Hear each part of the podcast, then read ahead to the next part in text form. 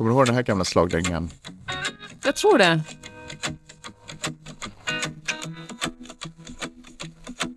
Well, you done done me and you bet I felt it. I tried to beat you, but you're so hot that I melted. I fell right through the cracks. Now I'm trying to get back. Before the cool done run out, I'll be giving it my Jason Mraz. Mra- Mraz. Jason Mraz. I'm yours. Det här är väl sommaren då, den här låten. får Och så lite det. fiskmåsar i bakgrunden. Eh, det slog mig häromdagen, vi är ju i Finland. Eh, vi har kommit till Skandinavien för de som har missat det. Vi är i Norden. Och vi var i Helsingfors här för några dagar sedan och så satt jag på en uteservering och så hörde jag någonting som jag inte visste att jag typ hade saknat. Du får två gissningar.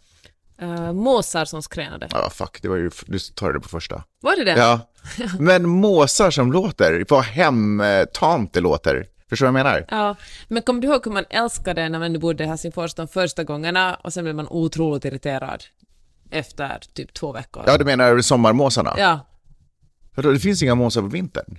Nej, sommarmåsarna tror jag grej. Åker måsar iväg på vintern också? Sitter de och skränar någonstans i Marocko och plågar tror- folk?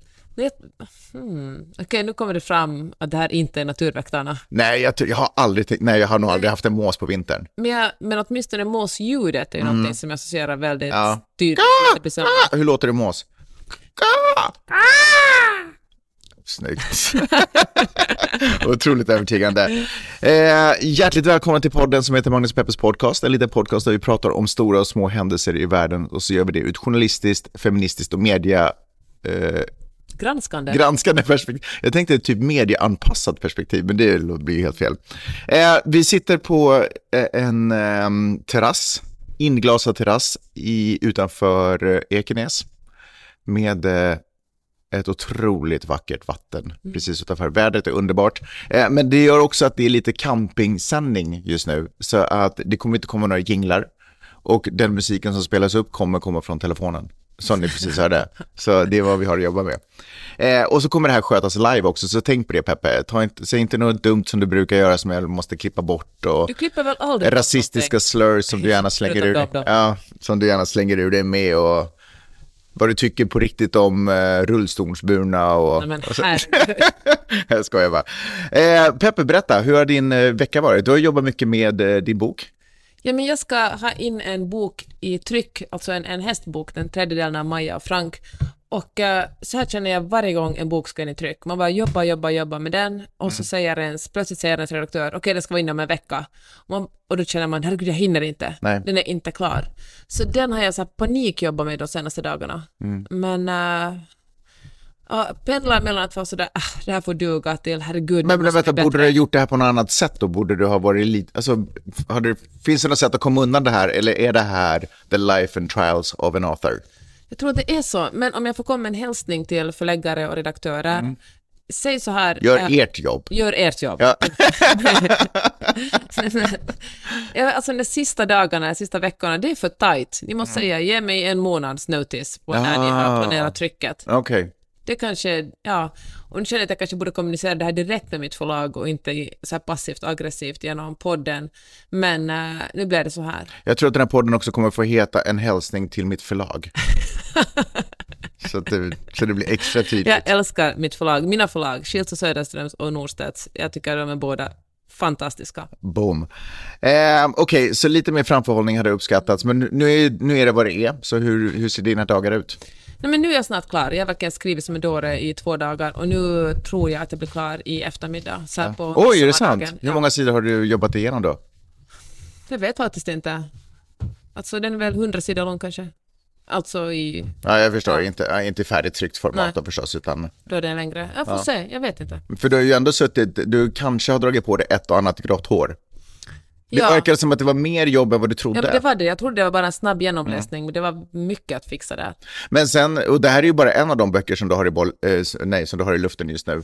Ja, sen när vi kommer till Skåne, då ska jag avsluta råmanuset på min roman, som är en väldigt fri fortsättning på En gång om året. Du, hade Nordstedts lite mer framförhållning när de sa Ja, det tror jag. Mm, kanske lite. Ja, men inte så Ja. mycket kanske. Okej, skitsamma. Det behöver inte bli en tävling. Det Nej, jag vill inte lägga mina flagg mot Nej, varandra. vilka Det kan bli dålig stämning. vilka som sköter sig bäst. Men vet du, ännu om vi backar till Helsingfors, Mm. en sak slog mig och det är att det är så härligt att cykla i Helsingfors. Ja, det Jag är lånar- perfekt cykelstad. Visst är det? Jag lånade en cykel på hotellet, jag var med i en liten webb-tv-serie för barn och för att prata om mina böcker. Jaha, var det- på nätet till och med? Ja. Jaha, okej. Och äh, det så nedsättande. Ja, och då, äh, men då cyklade jag till, till, det var en studio på Fabriksgatan och det var så härligt. Och det slog mig att äh, i Stockholm känner jag mig, jag tycker att det är verkligen hjärta i halsgropen, både att sitta på en cykel och vara fotgängare, för folk bara, ja men det är för hetsigt. Men i Helsingfors, och fine, kullerstenar, inte det bekvämaste att cykla över, men otroligt mysigt att cykla i stan där. Och det är lagom avstånd till alltihopa, så att det känns som att man ändå trampar sig fram, men man blir inte urlakad och eh, svettig och död när man kommer fram. Nej. Eh, vänta, vad var det? Du sa någonting med, vad fan var det du sa? Ah, jag, tar, Något är live älskling. jag vet, jag tar, nu är det jag som måste klippa bort mig själv, det är ju superstörigt. Fuck, men det var någonting med cykla, ah, skitsamma.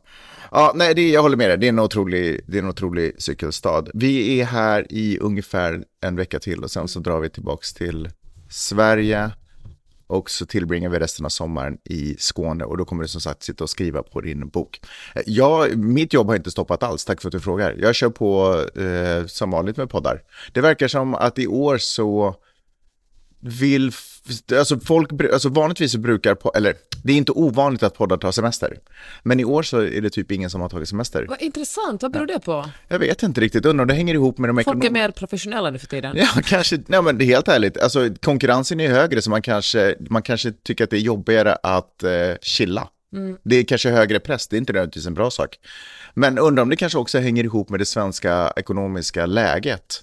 För samtidigt, ja, jag vet inte. Äh, men det är intressant. Men jag fortsätter i alla fall jobba, alltså det är poddar varenda vecka som ska roligt. ut. Roligt. Ja, för dig kanske. Nej, men, jag sitter och eh, jobbar hela Med tiden. tanke på de pengar du gör av med varje dag så tycker jag det Fair är enough. skönt att du drar in lite också. Fair enough. Fast jag måste säga, kombinationen att vara här ute på landet, klippa en podd, ägna några timmar åt att få klart en podd och sen gå ut i vattnet. Och sen komma tillbaka och klippa en ny podd. Alltså, älskar det. Ja, det är faktiskt underbart. Och jag har verkligen, jag ska verkligen försöka ta med mig det till LA också. För vi har ju vatten nästan lika nära. Så jag ska verkligen försöka ta med mig det, att sådär knata ner, ta några simtag och sen gå upp och så klippa en ny podd. Ja, life bro. Peppe, vad har hänt i veckan?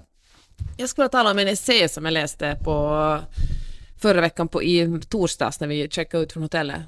Den var i Hufvudstadsbladet och handlade om hur uh, shitigt Kalifornien är. Smutsigt? Ja. Eller dåligt? Nej, men det var en, en, eh, Sara Enholm Hjelm som skrev, den har tydligen bott i Kalifornien. Fan vad det sin- namnet ringer bekant, det måste jag googla. Ja, men Fortsätt prata. Men hon bodde med sin familj, eller någon for, hon har liksom varit där för jättelänge sedan, som barn tror jag, bott utanför San Diego. Och nu besökte hon eh, Kalifornien igen och hela essän handlar om hur hemskt det är med inkomstklyftorna, hur hela San Diego luktar bajs, människobajs, och hur... eh, Hela San Diego? Ja. Jaha. Och hur, uh, men, jättekonstigt ut, surfarna, plum. Surfarna plumsar i havet, det var också på något sätt konstigt. Vet, ju kanske, Konstigt beskrivet. ja, Men det kanske var att det skulle vara lite vitsigt skrivet. ja, kanske det. Och... hur- Eller var det en negativ bild av Kalifornien att surfare plumsar i men det var havet? väl, det beskrivs, jag vet Att de inte surfar utan Nej. plumsar? Ja. Aha, de är dåliga liksom. Okej. Hur, alltså hur luftföroreningarna förstör, alltså det är luftföroreningarna som gör de här färgerna liksom, du vet Kalifornien är ju känt Mm. för sina färger. Och liksom, det var verkligen, jag kände det som en attack på Kalifornien. Oj, ja. Och, Och, eh, hens en attack på dig. Exakt, indirekt. Men, och jag fattar, det är ju faktiskt sant att eh, det är ett jättestort problem med hemlöshet i Kalifornien och, och en orsak till så många hemlösa där är ju att folk från hela USA kommer till eh, Kalifornien för Mm. att det går att överleva på vintrarna också utomhus. Ja. Också Och, eh, för att eh, Kalifornien har, alltså, och då pratar vi ett land som inte har någonting, har ändå lite stöd för Exakt. för hemlösa, det är ju Alltså det är ju ingenting som man kan, som är värt egentligen ens att nämna som att titta på hur nordiska länder har det. Men i USA mått mätt så har de åtminstone stöd. Och eh, andra stater helt enkelt skeppar eh, sina hemlösa till Kalifornien för att, Precis. för att liksom sätta lite Kalifornien också på plats. Att ät era ord nu, ta hand om det här Jävla nu då. socialistdelstat. Ja, ta hand om det här nu då, om det är så jävla lätt. Ja. Uh, LAs nya borgmästare, har ju, det var ju henne, hon gick ju till val på att hennes största uppgift som borgmästare var att sköta, fixa hemlösheten. Och det, för det är ju ett problem. Men kanske mest så här, det som, jag har försökt analysera det här nu i två dagar för jag blev så otroligt provocerad av det här och det kanske är det att man kommer som finsk turist till Kalifornien och så, man klag, så ser man det ur sitt perspektiv och sådär, det här är dåligt, det här är dåligt, det här är dåligt och uh, tur att jag inte bor här, nu åker jag hem till Finland, allt är bra.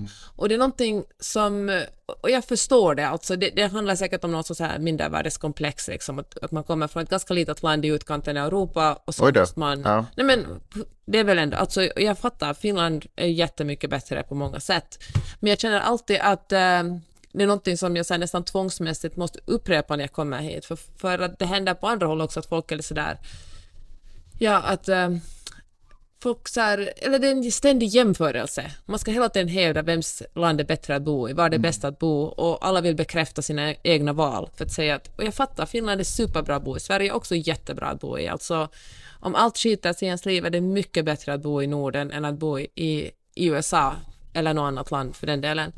Men jag är så trött på den diskussionen och jag är så trött på liksom att göra så här otroligt ytliga och eh, grundlösa jämförelser för att eh, ja, allt är sant på ett sätt, men det finns jättemånga nivåer. Kalifornien är jätteroligt att bo i och det finns många saker som Kalifornien gör bättre än Finland och Sverige. Men jag vet, kanske det känns så här, det känns bara så otroligt oartigt att resa till något annat land och skriva en essä om hur skit det är. Det är bara liksom, ja men det är rude tycker jag. Ja, eh, alltså folk får väl ha vilka uppfattningar. Alltså, det, har, det har funnits platser i Helsingfors som har luktat bajs också. Får jag bara tillägga det. Det Ja. spelar inte så stor, alltså det rör inte mig, jag kan fortfarande tycka om staden.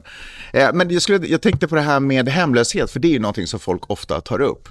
Och då har, nu slog det mig plötsligt att jag har aldrig riktigt egentligen haft känslan av att folk vill kommentera hemlösheten därför att de upplever att det är så tragiskt med alla sociala problem i Kalifornien. Utan det är nästan som att man tar upp det är så mycket hemlösa som att det är äckligt att det är mycket hemlösa när man går i parkerna själv. Alltså du menar för sin egen skull mer. Nästan i samma andetag som man säger att det luktar bajs i till exempel eh, San Diego, så är man så, och det är också väldigt mycket hemlösa, som om hemlösa är en del av smutset. Någon slags Förstår du vad jag menar? liksom. För, för, att- för det är ju ett otroligt socialt och fruktansvärt socialt Att det problem. finns bostadslösa. Men jag tycker inte att det nämns, det prat, man säger inte om det på det sättet. Nej, jag förstår. Förstår du vad jag menar? För då hade man ju sagt sådär, jag tycker det är så hemskt att i Kalifornien för alla sociala problem som finns där och jag tycker det är så tragiskt och jag blir bara konstant påmind om den här fattigdomen och eländigt det är. Utan man säger så här, jag tycker det är jobbigt att vara i Kalifornien för det är så mycket hemlösa. Alltså som om hemlösa är en del av smutset. Ja, men så i och för sig den här, det stod att hon skrev också i den här essän om att uh, skillnaden mellan rika och fattiga är så stor, att folk har jättemycket pengar och jättelite pengar, och det är också sant. Men det alltså. kan man väl nog säga är i Norden också. Men gud, ja. Alltså, jag vet inte vad hon har på sitt konto, men jag är ganska säker på att det sitter någon annan person, en annan familj och bara, oh my god, har du sådär lite pengar? Ja. Ja, nej men äh, det är alltså det är ju tråkigt att dra en slutsats att allt är mycket mer komplext, men jag tänker att man måste kunna skrapa om man ska jag vet, det var slarvigt skrivet tycker jag bara. Ja. Det var Whatever. inte så bra. Men, men du, eh, USA är ju ett eh, svårt land att kommentera generellt Mm. därför att det är ju mer av en världsdel. Mm. Det är som att prata om Finland, men man tar exempel från Italien och, och Tyskland. Alltså det, det är ju så otroligt, allt, precis som du sa, allting man säger om USA är ju 100% sant vissa delar, Mm. men också 100% falskt i andra delar. En sak som är otroligt tydlig är till exempel kvinnors rätt till sina kroppar.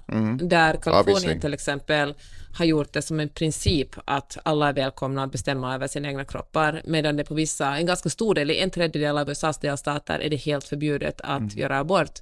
Och det handlar ju om att en jättestor del av kvinnor blir det livsfarligt att bli gravida. För det handlar ju också om att om man har problem, alltså, det, här talade vi om i en tidigare podcast också, men, eh, men det finns flera kvinnor i Texas till exempel som har stämt delstaten för att de känner att de har hamnat i livsfara på grund av att de inte har fått jämföra, utföra aborter. Och läkare är livsrädda för att utföra aborter, liksom, de måste vänta tills eh, kvinnorna verkligen, verkligen, verkligen håller på att dö och avgöra hur att det verkligen är liksom en liv och dödssituation innan de kan göra det, annars är de redan fått bestämda. Så det är, och det här är ju, och då kan man ju säga att, att USA är ett land som inte respekterar kvinnors kroppar. Men, och det stämmer, men det stämmer ju också att det finns ett land som verkligen tar hand om kvinnors kroppar, alltså vi- vissa delstater. Så det, som du säger, det finns verkligen radikala skillnader just nu i, i landet. Och sen när det kommer till eh, smog och sådana saker så har ju Kalifornien som delstat en av de hårdast reglerade, liksom miljövänliga politiska, ja, ni fattar, Ja. regel. Eh, Helt klart jämförbart med vad Finland har. Men här är det ju också en ny regering, så vi får ju se lite vad som händer med Det ska vi tala sen om i podden också. vi får se lite vad som händer Ja. med deras önskemål på satsning på elbilar och, Mm. och sådana saker. Vi hade ju vår eh, årliga sommarmiddag här i, i veckan, Ja. där vi samlade ihop folk. eh, Så vi samlar ihop, kan man säga, Finlands elit. Ja, det kan man ju verkligen Ja. säga. Nej men då, det är många journalister där, då passar jag på att fråga, för jag känner att det är så länge sedan jag bott i Finland så jag verkar inte stenkoll på Mm. vad som händer. Men då var det någon som sa, att det kan ha varit Kia Sveticin som jag satt mitt emot och vi talade mycket politik och hon sa, det kan Vet du, jag pratade ganska lite politik med folk. Ja, vad konstigt. Ja. Så ovanligt. Men hon sa att, eh, att till exempel Finland och Sverige varit länder som väldigt länge har stått i framkanten för liksom klimatmål och, liksom, och, att, och liksom att bevara, bevara miljö. Men att, eh, men att det, den, här, den uppfattningen lever kvar, men så är det inte längre i praktiken, utan det finns andra EU-länder som har kommit ex, extremt mycket längre. Och jag tänkte på det du sa, att, att Finlands nya, nya regering har absolut inte samma ambitiösa klimatmål som den förra regeringen. Och svenska regeringen nu med eh, Sverigedemokraterna som ligger där som en bakgrund, Mm. Vad heter det, med liksom fingrarna på de här snörena för puppeteer, eller pa- bakgrundspuppeteer, eh, har ju också nu gjort det mindre lönsamt att till exempel byta från bensinbil till e-bil. Ja, Trots att förra re- regeringen typ bygger om alla alla parkeringsplatser till elstolpar, ja, så har man nu också gjort en motsatt, eh, liksom, ja, du förstår vad jag menar. Motsatt move. Jag tycker det är intressant det där. Kontraproduktiv move, försöker vilken säga. självbild man har, vilken sorts land man kommer från, men det är något som man måste uppdatera hela tiden. Ja. Jag tänker samma sak gällande jämställdhet. Jag tänker att Sverige liksom har gjort det nästan till sin, som en haft som en underrubrik, Sverige är världens mest jämställda land. Mm. Om man går omkring och tycker att man är världens jämställda land och inte känner att man måste jobba så mycket för det, så då kommer man att förlora det. Mm. Alltså alla, alla sådana fördelar försvinner ju om man, om man tror att man har nått fram i mål och bara Absolut. lutar sig tillbaka i fåtöljen. Och, och det är också, det är svårt att peka, ja men så där gör de i Kalifornien och så här gör vi här. Kalifornien är ett land, är en delstat som, hur många miljoner bor i Kalifornien? 40 miljoner människor. 40 miljoner människor och Finland som land har vadå, fem, sex, Sex kanske, sex ja. miljoner människor. Så det är klart att infrastruktur och sånt måste se annorlunda ut för att kunna underhålla och upprätthålla ett samhälle med så mycket människor Mm. versus ett mindre land. Så sant. Okej, ska vi gå över till podden då? Let's do Okej, berätta. Vill du prata om den finska regeringen eller vad Jag det? tänkte det. Alltså, Ja, kör. jag fick ett önskemål på Twitter att göra det och eh, efter, jag, jag, känner, jag, har- Vad vet du om den nya finska regeringen? Vad vet du ens överhuvudtaget Peppe? Du har inte varit i Finland sedan Dackefejden. Nej men eh, jag eh, vet så här mycket att eh, Finlands förra regering var ju otroligt eh, liberal, Mm. alltså liberal i, i liksom Amerikamått mätt, alltså socialistisk kanske man skulle säga. Och eller det är så mycket jämställdhetsfrågor, kvinnodominerad, alltså till och med HBO gjorde ju en dokumentär om liksom kvinn, fem, fem kvinnliga ministrarna. Mm. Och eh, alltså kvinnlig statsminister, Sanna Marin var ju otrolig, liksom styrde Finland genom pandemin och, och eh, också en, en, en regering som var väldigt så här, klimatinriktad. Man ville liksom, man förstod att klimatet är viktigt. Och, och har- man har väl också kunnat leva ganska länge på äran av att man hade en eh, kvinnlig president. Och att Finland fick kvinnlig rösträtt tidigare än många andra länder. Ja, Har man, alltså, eller? Har man inte kunnat också, ja, ja kanske. det har väl också hjälpt till i argumentationen om För att- hur, eh, hur Ja. framåt och i spjutspetsen man är som land. Och, eh, men som alltid så är det ju en, en pendel som går från ett håll till ett annat och nu har vi ju en extremt konservativ och som högerregering med Sannfinländare och Kristdemokraterna, Samlingspartiet och SFP. Och eh, det är ju det är väl så det funkar, alltså så man går väl från ett till ett annat. Men på något sätt tycker Vad jag... tror du vi kommer se för förändringar nu då? Jag tycker, alltså sämre satsningar, alltså mindre satsningar på klimatmål till exempel. Jag tycker det, jag, jag tänker att eh, företagare, det kommer inte få gå, liksom vara lättare för företagare att säga upp folk, men jag tänker att det kommer bli mindre alltså de fattigaste kommer att få det lite sämre. Men vi ska väl också säga att man är ju också just nu i en ekonomisk kris. Alltså nästan alla mina vänner har räntor som har stigit upp i skyarna. Eh, projekt som var tänkt skulle kosta si och så mycket kostar nu liksom en tredjedel mer, om inte mer än det. Så det är, jag menar, då måste man ju också ta i med svång, eh, vad, heter det, vad heter det, dra åt svångremmen. Men då undrar jag, eh, alltså nu, det här finns det inget tydligt svar på, men är rätt sak då att göra det lättare för företagare, eller borde man satsa ännu mer på de som har det allra svårast i samhället, som verkligen inte har mat på bordet?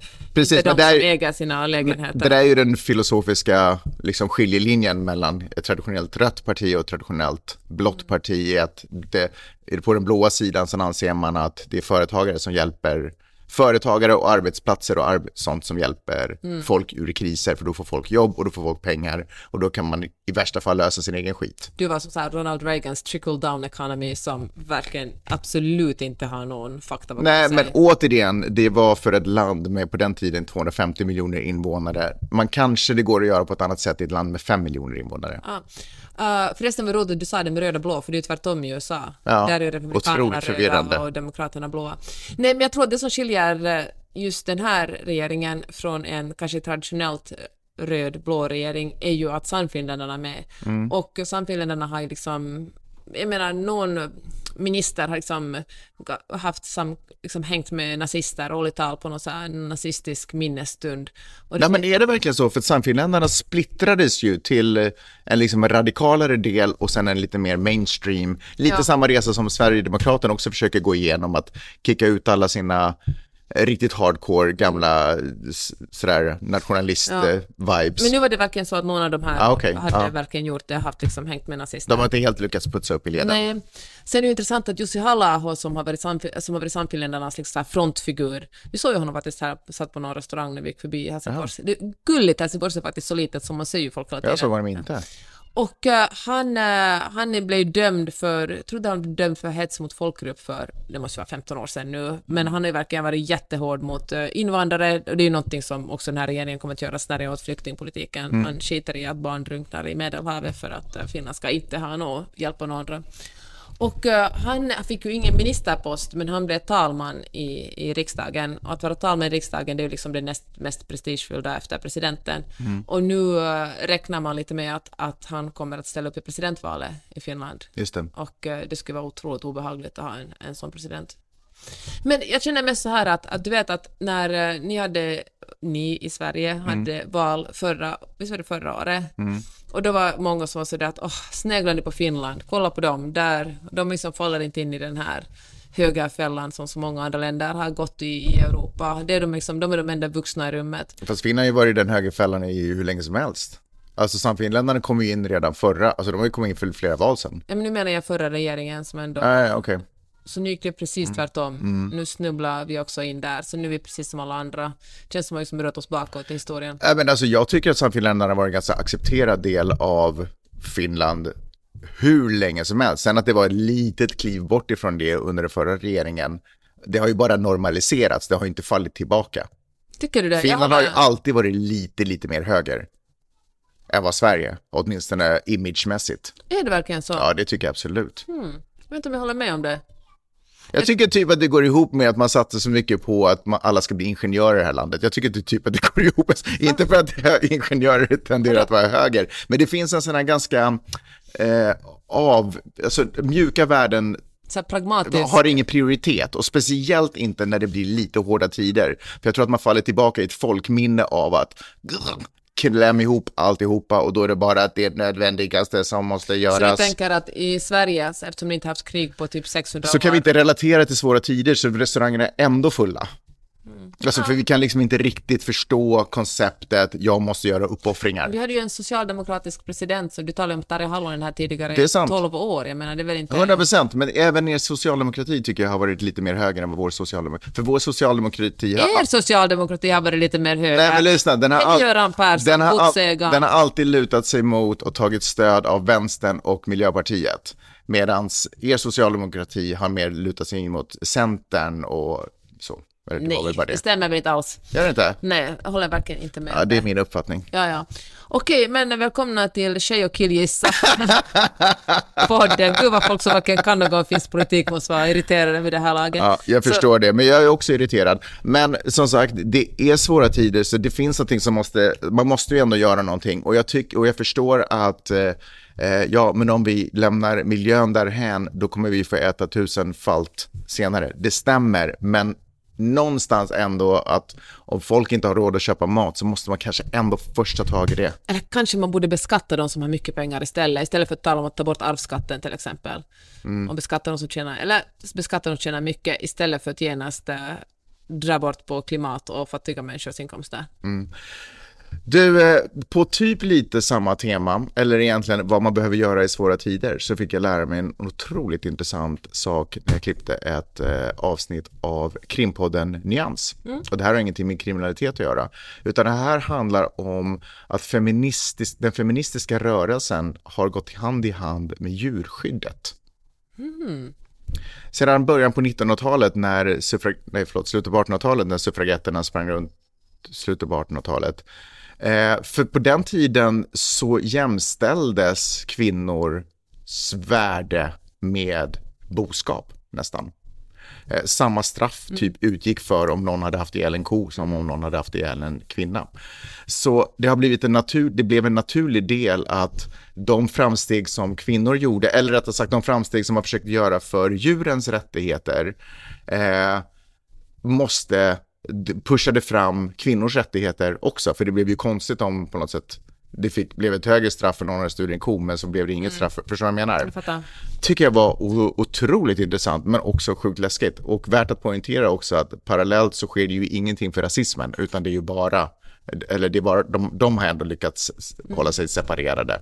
Och rasismen har alltid halkat efter i utvecklingen för liksom, Eller antirasismen. den antirasistiska Okej, utvecklingen. men jag tänker att här måste, behöver man ju inte ställa olika saker mot varandra, utan man kan ju klumpa Sant. ihop dem alla och liksom stå på alla diskriminerades sida. Men jag kommer att tänka, förlåt, säg. Men jag tycker det är intressant det där du sa om djurskyddet, för jag tänker att det är någonting som kommer att växa sig allt större och större. I USA tillät ju nu FDA, som är alltså, vad heter det på svenska, alltså den här federala byrån som godkänner livsmedel, Livsmedelsverket då ja, kanske? men typ, att äh, labbproducerat kött, då främst kyckling. Och jag tänker att det är någonting som mm, hoppas jag kommer att revolutionera köttindustrin. Folk, eh, alltså, folk ser ju så olika på sina egna husdjur som hundar och katter och sen äter de gärna grisar, bacon och, bacon och, och Bacor, bacon. Men eh, kossor och grisar och andra djur och låtsas att det inte är levande varelser som har precis lika ont som deras hundhane den gör sig illa i tassen. Ja. Och eh, jag tänker att om det finns, och också för att kött är en sån stark del av folks identitet, alltså folk blir ju rasande, och när jag folk menar jag män då främst, om man på något sätt, nu när Livsmedelsverket i Sverige gick ut och sa att ni äter för mycket kött, det är direkt det är dåligt för miljön, men det är också våldsamt för människokroppen. Det fanns ju folk som män som gick ut på Twitter och sa rasande och sa att de kan äta extra mycket kött. Det är så dumt. Men jag tänker att eh, det här att se djur som levande Det tror jag inte de varelser- kommer göra, men jag ska bara, det är bara någonting man säger i vredesmod. Jag tror inte de orkar äta mer, för de äter verkligen supermycket där nu. Men eh, jag tänker att det är faktiskt nästa steg att förstå att eh, det så- på sätt och vis som har enslaved, som man säger på engelska, Mm. djur kommer att ses över. Och jag tror att man kommer att se tillbaka på den här tiden, se att om 50 år eller kanske till och med 30 år kommer att se tillbaka och se den som en otroligt grym, grym och brutal tid. Mm. Så jag tycker att det är ganska logiskt att, att man ser att, att levande varelser har ett värde. Får jag komma tillbaka till det där, för det finns jätteroliga vida tankar på eh, laboratorieskapat kött. Ja. Som typ nästan känner jag korrelerar med AI. Men eh, jag skulle säga bara eh, avslutningsvis om det här, för jag kommer att tänka på det här eh, parallellen mellan eh, förlåt, feminismen och djurskyddet. För där den rörelsen kom igång och drog iväg, så då kom också krig. Eh, då kom första världskriget och sen så... Då, Som att skydda kvinnor och det Nej, krig. då, nej men då, förlåt. då stannade allting av, men sen så lyckades det komma igång igen och folk började få de prioriteringarna. Därför att det, tyvärr så verkar det vara så att så länge det är bra tider, då kan vi fundera på hur kvinnor har det och hur möjligen djur har det. Men sen så kom andra världskriget och då, då haltar hela den utvecklingen också, för då måste man börja tänka på hur ska vi, ta, alltså hur ska vi, ja men du vet, fucking krig liksom, och hur ska folk få mat? Eh, för att det sen ska kunna ta tag. Och det känns nästan som att ja, nu är det ju inte krig i våra länder, men nästan. Eh, och det Vi känns, påverkas ju väldigt ja, mycket av kriget. och det känns som att det kriget gör också att det har lite satt broms på massa saker som vi var på i en ganska positiv Ja, rörelse verkligen. att göra. Och det ger ju också eh, ett tillfälle för lite hårdare högerkrafter, lite hårdare, alltså onda högerkrafter att komma igång med sin retorik. Eh, de utnyttjar ju tillfällen då vi alla känner att liksom, kniven är lite mot strupen. Då utnyttjar de retoriken och förklarar att det här kommer lösa sig om vi bara eh, skiter i att hjälpa de här människorna, skit, struntar i naturen, struntar i djuren och alltihopa. Medan det egentligen inte är riktigt korrelerat för de jobbar utifrån bara sin egen filosofi. Eh, och när kriget är över, så om vi har köpt det nu, så när kriget är över kommer vi vara fast i är det mycket lättare att fastna, vara fast i deras liksom, liksom retorik. Men det är samtidigt svårt att göra gott när man har det jobbigt. Men jag har tänkt ganska mycket på att det är ju jag tänker att det är då man visar sin sanna karaktär. Jag tänker att det är så otroligt lätt att motionera när man känner sig stark och bra och frisk. Men det är ju på något sätt när vi inte vill och när allting känns jobbigt och när man lider, det är ju då på något sätt man måste verkligen, eller om man lyckas visa sin godhet och sin empati då, så då tänker jag att det är ett ganska fint bevis på sin karaktär. Vet du, jag tänker på det där också när det kommer till klimatrörelsen, hur det finns eh, folk som verkligen gör, har, har sin profil till att eh, de är, klimat, de är klimatförespråkare, de vill verkligen göra rätt. Men det handlar, det går alltid, det räcker, de vill göra rätt så långt att deras eget liv inte påverkas av det. det och jag kanske, jag kan dela in mig själv i det, alltså det är lätt att inte äta kött, men man vill ändå resa. Och det är lätt att, eh, att säga att eh, nej, men jag tar cykeln och så har man en jätteavancerad elcykel som kostar liksom 3000 euro.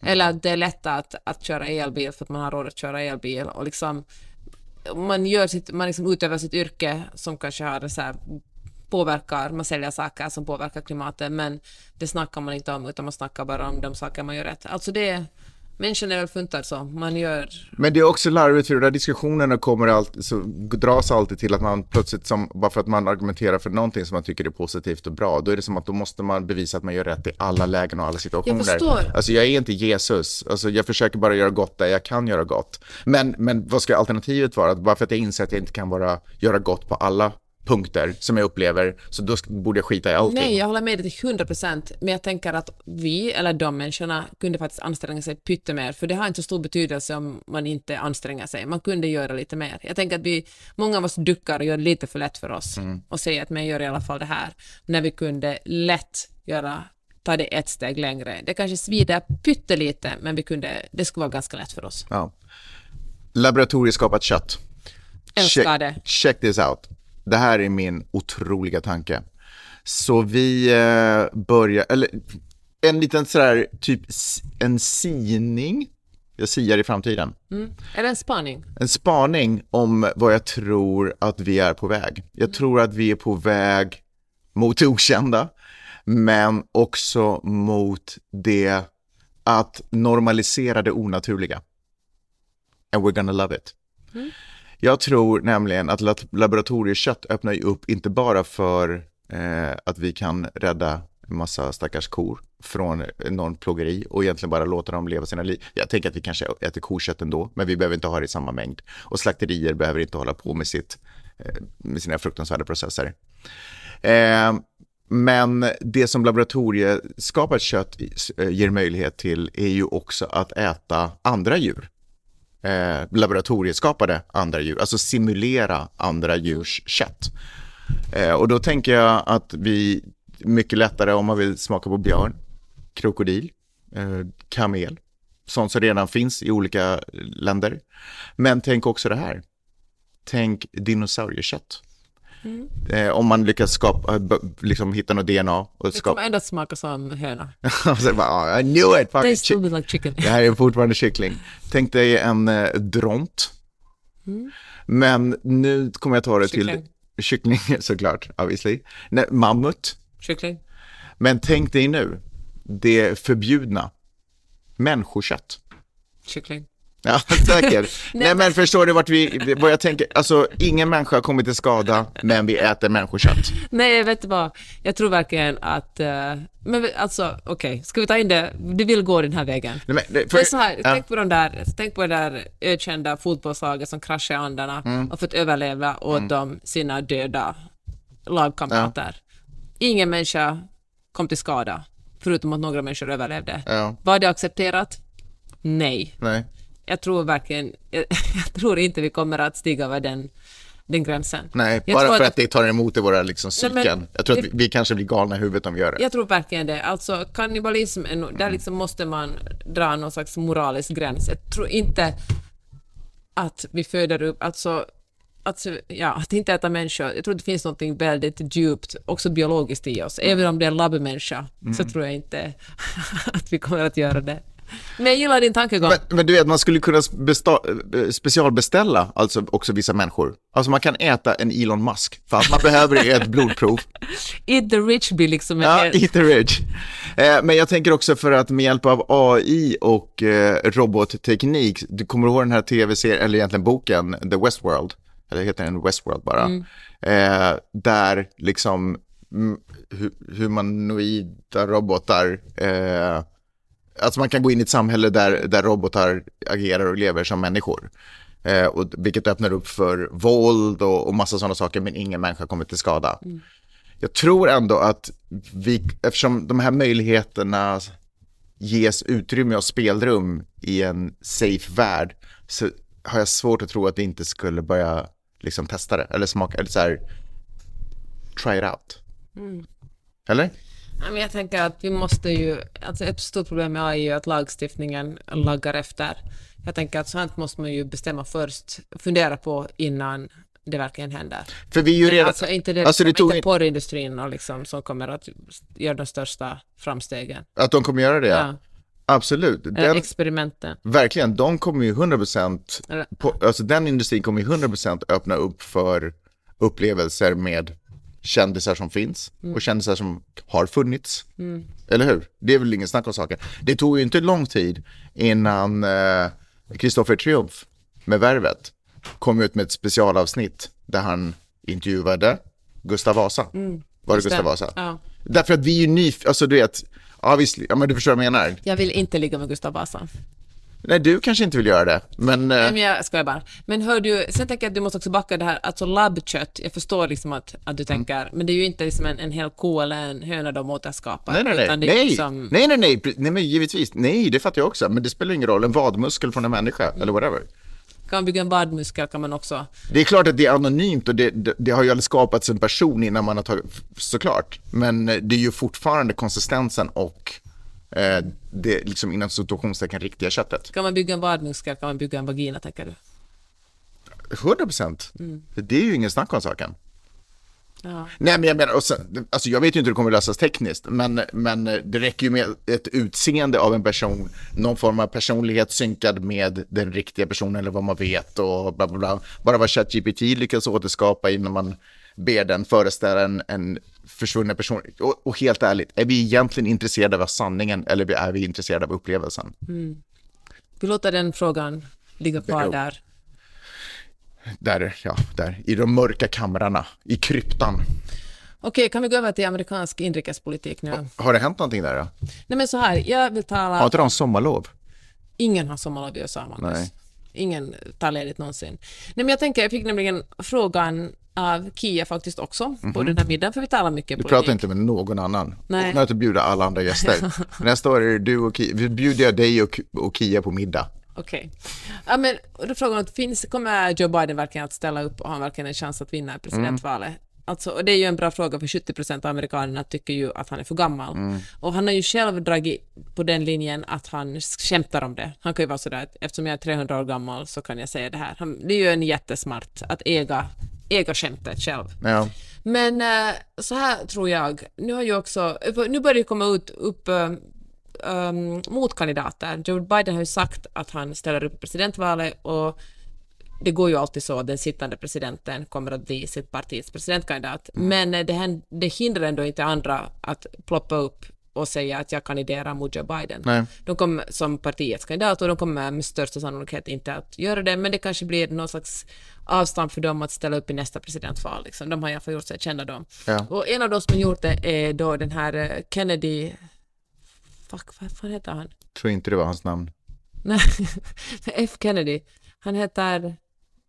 Nej, nu står det helt stilla i mitt huvud. F. Kennedy. Men hans mellannamn är F, men nu är jag... Ja. Fan vad synd. Kan du klippa det här? Nej. Åh, Men skit i det, Kennedy, så gå vidare bara. Robert F Kennedy Ja. heter han. Och han är ju, han är egentligen känd eh, för att, sitt efternamn såklart, Mm. men också för att han var ganska ambitiös i så klimat och miljöfrågor, eller främst miljöfrågor. Men de senaste åren har han gått all in på konspirationsteorier. Han är liksom antivaxare och eh, nej men hardcore liksom foliehatt. Mm. Men han har än så länge ett ganska stort stöd, eller överraskande stort stöd. Man kunde tänka att han bara ska ha liksom en halv procent, men det går ändå helt okej för honom. Antagligen mycket på grund av att folk inte riktigt har koll på exakt vad han står för, utan man känner bara igen namnet och Också för att han är en okändis, så det får väl klarna lite vad han, Exakt vem han är och vad han tycker. Men då tänker man så här, okej, det finns någon som ställer upp, emot, ställer upp emot Joe Biden, Alltså jag är inte emot en konspirationsteori, det beror på vad det är om. men om man är antivaxare och tror liksom att 5G-master kontrollerar ah, okej, beteende, Nej, men det är inget bra. Men om man ändå tänker sig att det var aliens som byggde pyramider, då kan jag fortfarande köpa det liksom. Att, eh, menar, alltså, mediciner mot depression leder till massskjutningar. Alltså det är verkligen jätte, Mm. jätte dumma. Alltså dumma, idiotiska. Alltså jag menar, ska man tro på en konspirationsteori, tro på någon lite smart i så fall. Typ Atlantis. Exakt, något som är lite intressant, Ja. inte bara dumheter. Ja. Men eh, så här är det, alltså eh, Donald Trump kommer ju att ställa upp i presidentvalet, det har han sagt, och vare sig han sitter i fängelse, vilket han antagligen inte kommer att göra, för det kommer att dra ut jättemycket på tiden, de här åtalen mot honom, så kommer han att ställa upp. Och det är ett problem för Republikanerna eftersom han inte är en speciellt stark presidentkandidat. Han har förlorat de senaste tre valen, alltså presidentvalen och mellanårsvalet. Det finns liksom statistik på att han har svårt att vinna val. Fräckt att säga att det var han som förlorade mellanårsvalet. Nej, det är inte fräckt. Alltså, Var det Biden som förlorade? Eller vad då? Han vann väl inte mellanårsvalet, Ja, Biden? hans parti vann och det har en jättestor Senaten, betydelse. ja, men kongressen ändrar, vände ju. Ja, alltså det kongressen vände, men de borde ha vunnit enormt mycket mer. Alltså, Okej, så han, de levde inte upp till de förvänt, förväntningarna, men Exakt. de vände, switchade ändå Men ett liksom stort det lag. gör de alltid. Det är något som sker, det är jätteovanligt att det Ja, inte Okej, sker. nu tycker du, det- nu, har nej, du, alltså, nu pratar du utifrån en agenda, Peppe. nu pratar jag utifrån, nej men älskling, nu, älskling. Men så här är det, alltså jag kan faktiskt det här. Det är inte som att jag sitter och är demokrat, Ja. utan det räknas verkligen som ett jättestort misslyckande. Ja, det så gör det, absolut. Republikanerna, Det man skyller till stor del på Donald Trump efter väldigt många av de kandidaterna som man endorsade Det stämmer, men det har jag alltid sett som med utgångspunkt från att det var förväntat en jordskredsseger, men de vände ju ändå kongressen och de gjorde, de gjorde typ 50-50 i De senaten. gjorde jättedåligt i senaten och de gjorde jättedåligt i kongressen. 50-50 i senaten är det ju. Ja, men de borde ha vunnit enormt mycket mer och på grund av Donald Trump gjorde de inte det. Och de behöver två tredjedelars majoritet, majoritet för att rösta igenom alltihopa, så att de har ju typ basically kontrollerat senaten. Men vi kan gå Okej, vidare. drar du den här spotten då? Nej, nej, vi går vidare. Kör det. Ja, men jag uppskattar att du säger emot, men du låter... Du, okej. Ja, så här. Så Donald Trump har liksom inte varit en person som får parti, det går, att det går bra för det republikanska partiet. Nej. Och det finns, han har fortfarande ungefär mellan 25 och 30 procent av, hans, av republikanerna, det är hans hardcore fans som skulle rösta på honom vad som än händer. Mm. Ja. De hänger kvar, men allt fler börjar luckras upp. Och efter, men Joe Biden är också en väldigt svag kandidat. Alltså, ingen gillar Joe Biden, ingen gillar Donald Trump. Han är väl typ bara stark i skenet av Trump. Eller hur? Biden. Ja, kanske man kan Eller? säga. Är det inte typ den enda man känner att han kommer vinna över? Ja, men precis. Om Republikanerna hade en bra presidentkandidat, Mm. någon som man kände att det här är en person som kan ena partiet, som inte är galen men ändå högerut, Då är de då stekta, hade demokraterna. Republikanerna vunnit hur rätt som helst. Nu finns det ingen sån. Alltså, det finns ingen. Ron DeSantis, nej, han har liksom ingen karisma. Han Nej. verkar, alltså, Och han kommer inte våga gå emot Disney. Trump. Nej. Men han börjar liksom gå emot Trump lite nu, men liksom... Vi får se hur långt han vågar sträcka det. Men det enda sättet att vinna, vinna kandidaturen av Republikanerna är ju att ta sig an Trump. De flesta väntar ju bara på att Trump ska, det ska hända någonting, att han ska hamna i fängelse eller fly landet eller till och med dö. Men eh, det kommer han med största sannolikhet inte att göra och då blir det Trump. Flylandet vore intressant om man gjorde. Ja, vart ska han fly då? Monaco. Ja, nej men det är i alla fall jätte... Ja, men det är väl svaret på frågan. Varför liksom... Ingen gillar riktigt Biden. Folk, fast, vilket jag tycker är synd, alltså jag tycker att Biden har gjort. Alltså han har ju själva in, alltså gränsen och liksom migrationspolitiken har varit vidrig. Den Ja. har varit jättedålig och det är liksom samma politik som Trump förde mer eller mindre förutom att han inte satt barn i burar som Trump gjorde, men annars är den dålig. Men annars har han ju gjort ganska mycket, alltså infrastrukturen, bra. Alltså, Vadå infrastrukturen? Har ni byggt vägar? Ja, och gett internet åt en massa människor som inte har haft internet. Det är ju ett jättestort problem till exempel för skolor och barn som har haft distansundervisning under pandemin. Han har sänkt diabetesmedicin. Diabetesmedicin har varit extremt dyra i USA och han har sänkt priserna på det och eftersom USA är ett land där väldigt, väldigt många har diabetes påverkar det jättemånga människor. Han har jobbat för många klimatmål, han har liksom gått emot det som Trump gjorde. Inte tillräckligt tycker jag, men i alla fall kämpa på det hållet. Så han har faktiskt gjort många konkreta saker, men det är väldigt få som har koll på det, utan det finns bara en uppfattning om att han är gammal och gaggig och det enda man tänker på när man hör Joe Biden är att han snubblar ner för flygplanstrappor. Han, eh, han de lyckades också väldigt bra med spridande av vaccinet över hela USA. Också att få ut alltihopa i något sån här tid. Eh, men det var väl Trump i och för sig som hade dragit igång den processen. Men anyways.